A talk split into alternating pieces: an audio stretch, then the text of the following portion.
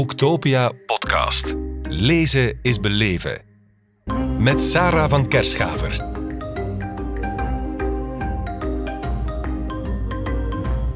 Lijne Gelens, welkom in onze podcast hier van op Boektopia in Kortrijk. Bedankt, dank u wel voor de uitnodiging. Nee, graag gedaan, eh, welkom.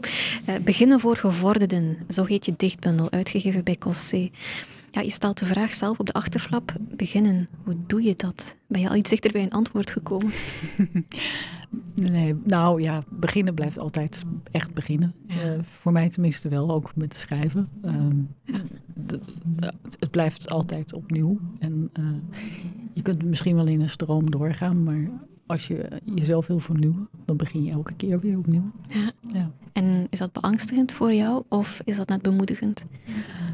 Um, dat kan op momenten beangstigend zijn als je een tijd lang niet, hebt, uh, niet echt bent begonnen zeg maar, met hetgene wat je eigenlijk zou willen doen. Um, maar ja, over het algemeen, zodra je begint. Uh, maar dat ligt natuurlijk ook wel aan waaraan. Bij schrijven vind ik al, ben ik altijd gerust als ik weer uh, ben begonnen. Bent. Ja, ja, precies. Ah, Oké. Okay. Ja, er zitten referenties aan andere dichters in je werk. Uh, ik denk aan de versregels van Paul van Ostaaien. Ik wil bloot zijn en beginnen. Uh, is het moeilijk om te beginnen dan als zoveel anderen al zijn voorgegaan? Nee, dat is juist zo'n rijkdom. Ja? Uh, ja, dat is ook... Er zijn natuurlijk regels die zitten in je hoofd. En uh, dat ook achter in de bundel... Uh, dat is, zijn niet de motto's, daar staan ze niet voor in. Maar daar heb ik een aantal regels, dichtregels van andere dichters en schrijvers die ja, in, in je hoofd blijven hangen en die mee blijven spelen tijdens het schrijven. -hmm. Nee, dat is een rijkdom. Dat is alleen maar oh, wow. prachtig. Want, ja. ja, want eigenlijk, als ik het zo hoor, die, die lopen bijna naast jou. Want je zou het ook kunnen zien als, oh, kijk daar verder aan de einder mm. lopen al die grote dieren al geraakt zijn en je voelt die afstand dan misschien. Maar je ziet het net als bijna een geruststelling dat er uh, al zoveel geschreven is. Ja, je schrijft mee. Zij hebben ook ja. meegeschreven. En uh, ja, je maakt eigenlijk deel uit van een soort ja, grote poëzie. Ja, verzameling. Of, Dat is een goede tip voor debutanten, denk ik, om die stress een beetje onder controle te houden. Ja, ja. ja. Nu, Auke Hulst, uh, proza-schrijver in Nederland, uh, die ziet de literatuur als benaderingskunst. En dat je er nooit geraakt, maar het feit dat je er nooit geraakt, maakt dat je telkens opnieuw begint. Zie je dat met hm. poëzie net zo? Oh, dat is wel mooi. Ja, um, ja je, je, zeker. Ik, ik heb niet ook het idee dat ik ook... Um, nou, het, het is denk ik wel, ja, als je schrijft over het boek, je, je maakt inderdaad iets. En het is nooit helemaal uh, perfect of nooit helemaal rond. En, uh, maar dat, dat elke keer opnieuw, um, ook net, net een andere richting uitgaan, dat, dat vind ik er ook heel belangrijk van. Ik probeer niet elke keer hetzelfde.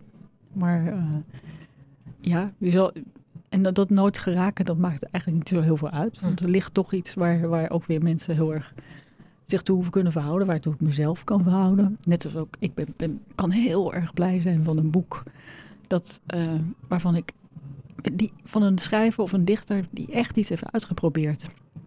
En dan kan het misschien niet op alle punten helemaal werken, mm -hmm. maar dat, dat doet er niet toe. Het is echt dat het, het is spannend. Ja, ik denk nu bijvoorbeeld aan Virginia Woolf, die heeft een, uh, heeft een uh, je kan het geen roman eigenlijk noemen, maar ze wilden ze zelf ook niet, de waves, de golven. Mm -hmm. En dat bestaat uit zes stemmen, zesstemmig uh, boek.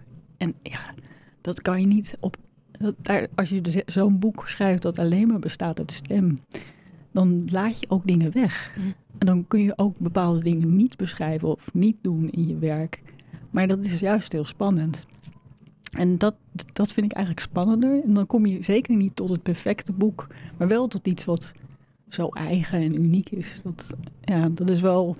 Dat is wat ik probeer na te streven eigenlijk. Proberen ja, ja, wow. ja, ja. ja, Virginia Woolf heeft wel een belangrijke rol gespeeld, heb ik de indruk schrijverschap. Die meerstemmigheid. Ja, zeker. Ja, ja, Op welke manier heeft zij jou gevormd? Of misschien zelfs dat duwtje gegeven om te schrijven? Uh, nee, ze heeft me eigenlijk niet het duwtje gegeven. Dat, dat hebben heel veel dichters mm -hmm. eigenlijk uh, gevormd. Maar wel, um, wel voor mijn proza was het, is het wel uh, heel bepalend geweest. En ja, het is wel die meerstemmigheid, het, die meerstemmigheid die in haar, in dat boek, de golven zit. De, um, nou, er zit een hele andere meerstemmigheid in, in mijn bundel, maar iets doen met die meerstemmigheid, dat, mm -hmm. vind ik wel ja, heel spannend. Heel spannend, dat snap ik.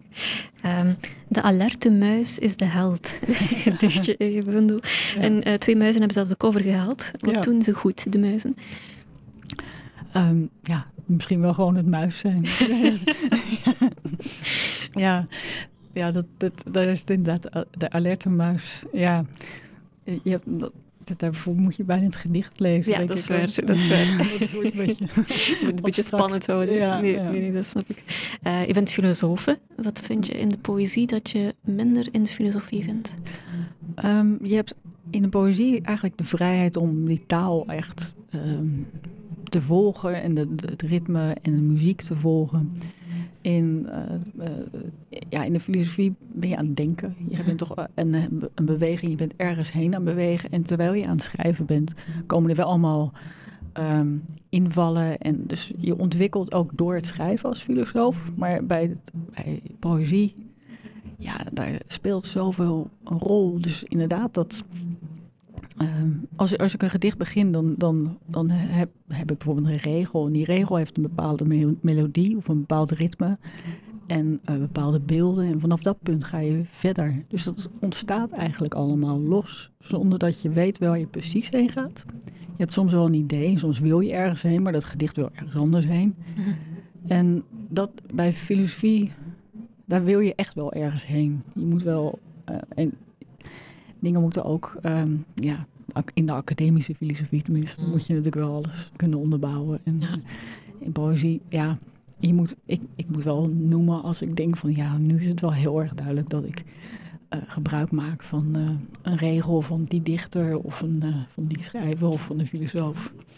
Dus er is zo die citaten achteraan je bundel, bijvoorbeeld van Van Osta en van andere dichters, ja. toch een soort uh, poëtische voetnoot dan. Ja, eigenlijk wel. Ja. het is uh, sterker dan jezelf. Ja. Je hebt ook uh, een prachtig gedicht rond ja, het scheppingsverhaal, het absolute begin. Wat, wat wil je daarmee uitdrukken? Um, ja, nou, dat, dat, is natuurlijk eigenlijk het begin voor gevorderden ook. Mm -hmm. het, er staan twee scheppingsverhalen in. De eerste is een, een soort scheppingsverhaal eigenlijk is dat scheppingsverhaal. Ik, ik, ik uh, ontdekte bij een, uh, in, een, ja, in een boek met allemaal oude teksten van, ehm, van oorspronkelijke bewoners, bijvoorbeeld van de Verenigde Staten. En allemaal scheppingsverhalen. En ik ben daar heel erg door. Um, ja, ik vind dat fantastisch, heel erg gefascineerd. En daarin was zo'n was zo'n ander denken. Namelijk schepping was echt midden in het leven. Hm. Was echt gewoon midden in de tijd. Was niet bij een begin. En daar heb ik eigenlijk ook gebruik van gemaakt. En ook een beetje van die vorm. Ja. Uh, ja, en dat heb ik dan. Ik heb dan één, en die begint eigenlijk midden in. Ja, het hoeft, je hoeft het niet zo precies te zien, maar in de, in de afgelopen jaren uh, uh, Dat, alsof dat het begin is. Dus mm dat het begin van de schepping. Dus ja, je kan de coronatijd erin lezen. Um, en, maar ook gewoon deze tijd uh, waarin uh, um, de, uh, het milieu gewoon ja, iets is waar we echt wel rekening mee moeten houden. En, en er staat ook een scheppingsverhaal in, dat heet een scheppingsverhaal heelal met een hoek af. Um, dat gaat over allerlei scheppingsverhalen eigenlijk. Dus allemaal ontstaansgeschiedenissen van, van het heelal. Hm. door de tijd heen. En uh, ja, die heb ik allemaal samen. Dus Einstein komt erin voor. En uh, uh, een, een de twaalfde, die ook een bepaald idee had. En, en, natuurlijk de Belgische, dat is een heel belangrijk, de Belgische. nee, maar serieus. Le Maire, dat is, dat echt de, dat is de degene die de oorknal heeft uh, bedacht eigenlijk. Het heet nog een oerei, maar dat is wel een, ja, een, een Belgische uh, astronoom geweest. Ook een een priester. Ja. ja. Ja, ja, we weten dat poëzie de kunst is op de, op, de, op de millimeter, op de kleine oppervlakte, maar je hebt er inderdaad, je bent er geslaagd om, om eigenlijk heel veel, bijna alles, uh, te vatten in, in, in een paar gedichten. Zou ik jou mogen vragen om er één of twee van voor te lezen. Ja, tuurlijk. Uh, heeft u een uh, voorkeur? Het scheppingsverhaal is, ja. kan zeker. Graag. de, de, deze? Of? Je mag kiezen. scheppingsverhaal. Er was licht, zeggen ze. Er was water, er was land, er was lucht, er was vuur. Veel vuur, zeggen ze. IJs was nog niet verdwenen. Er was steen, veel steen, zeggen ze. Er was staal, er was touw, er was nog gras. Er hupste kangeroes over het steen, zeggen ze. Er klauterden geiten in bouwsteigers, zeggen ze. Er lagen geeuwende leeuwen op de eeuwig grasgroene heuvels. In uitdijende rivieren zom de blauwe handschoen. Dolfijnen trokken op met drijvend staal. Walvissen aten visnet en touw en plastic bekers. Al wat leefde als plastic. Er was zon, zeggen ze. Veel zon. Een groot geluk, zei men toen. Regen was er niet, zeggen ze. Soms was er wind, soms waren er wolken. Nooit regende het. De luchten zijn streeploos, zei men toen. De lucht was bijna schoon, zeggen ze. Er stikten mensen. Maar al wat vrij kon ademen, ademde vrij. De dieren eisen hun ruimte op, zei men toen. De beken begonnen op te drogen. De aarde begon zich te openen. En al wat groen was, kleurde geel. De sprinkhanen zullen komen, zei men toen. IJsschotsen, braken, smolten in zee. Er vielen bomen. Veel bomen. Eeuwenoude bomen. Tijd bestond nog, zeggen ze. Er is nog tijd, zei men toen.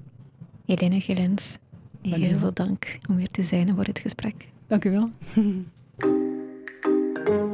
Boektopia podcast. Lezen is beleven. Beluister ook de andere podcasts live opgenomen op Boektopia 2022. Nu via je favoriete podcast-app.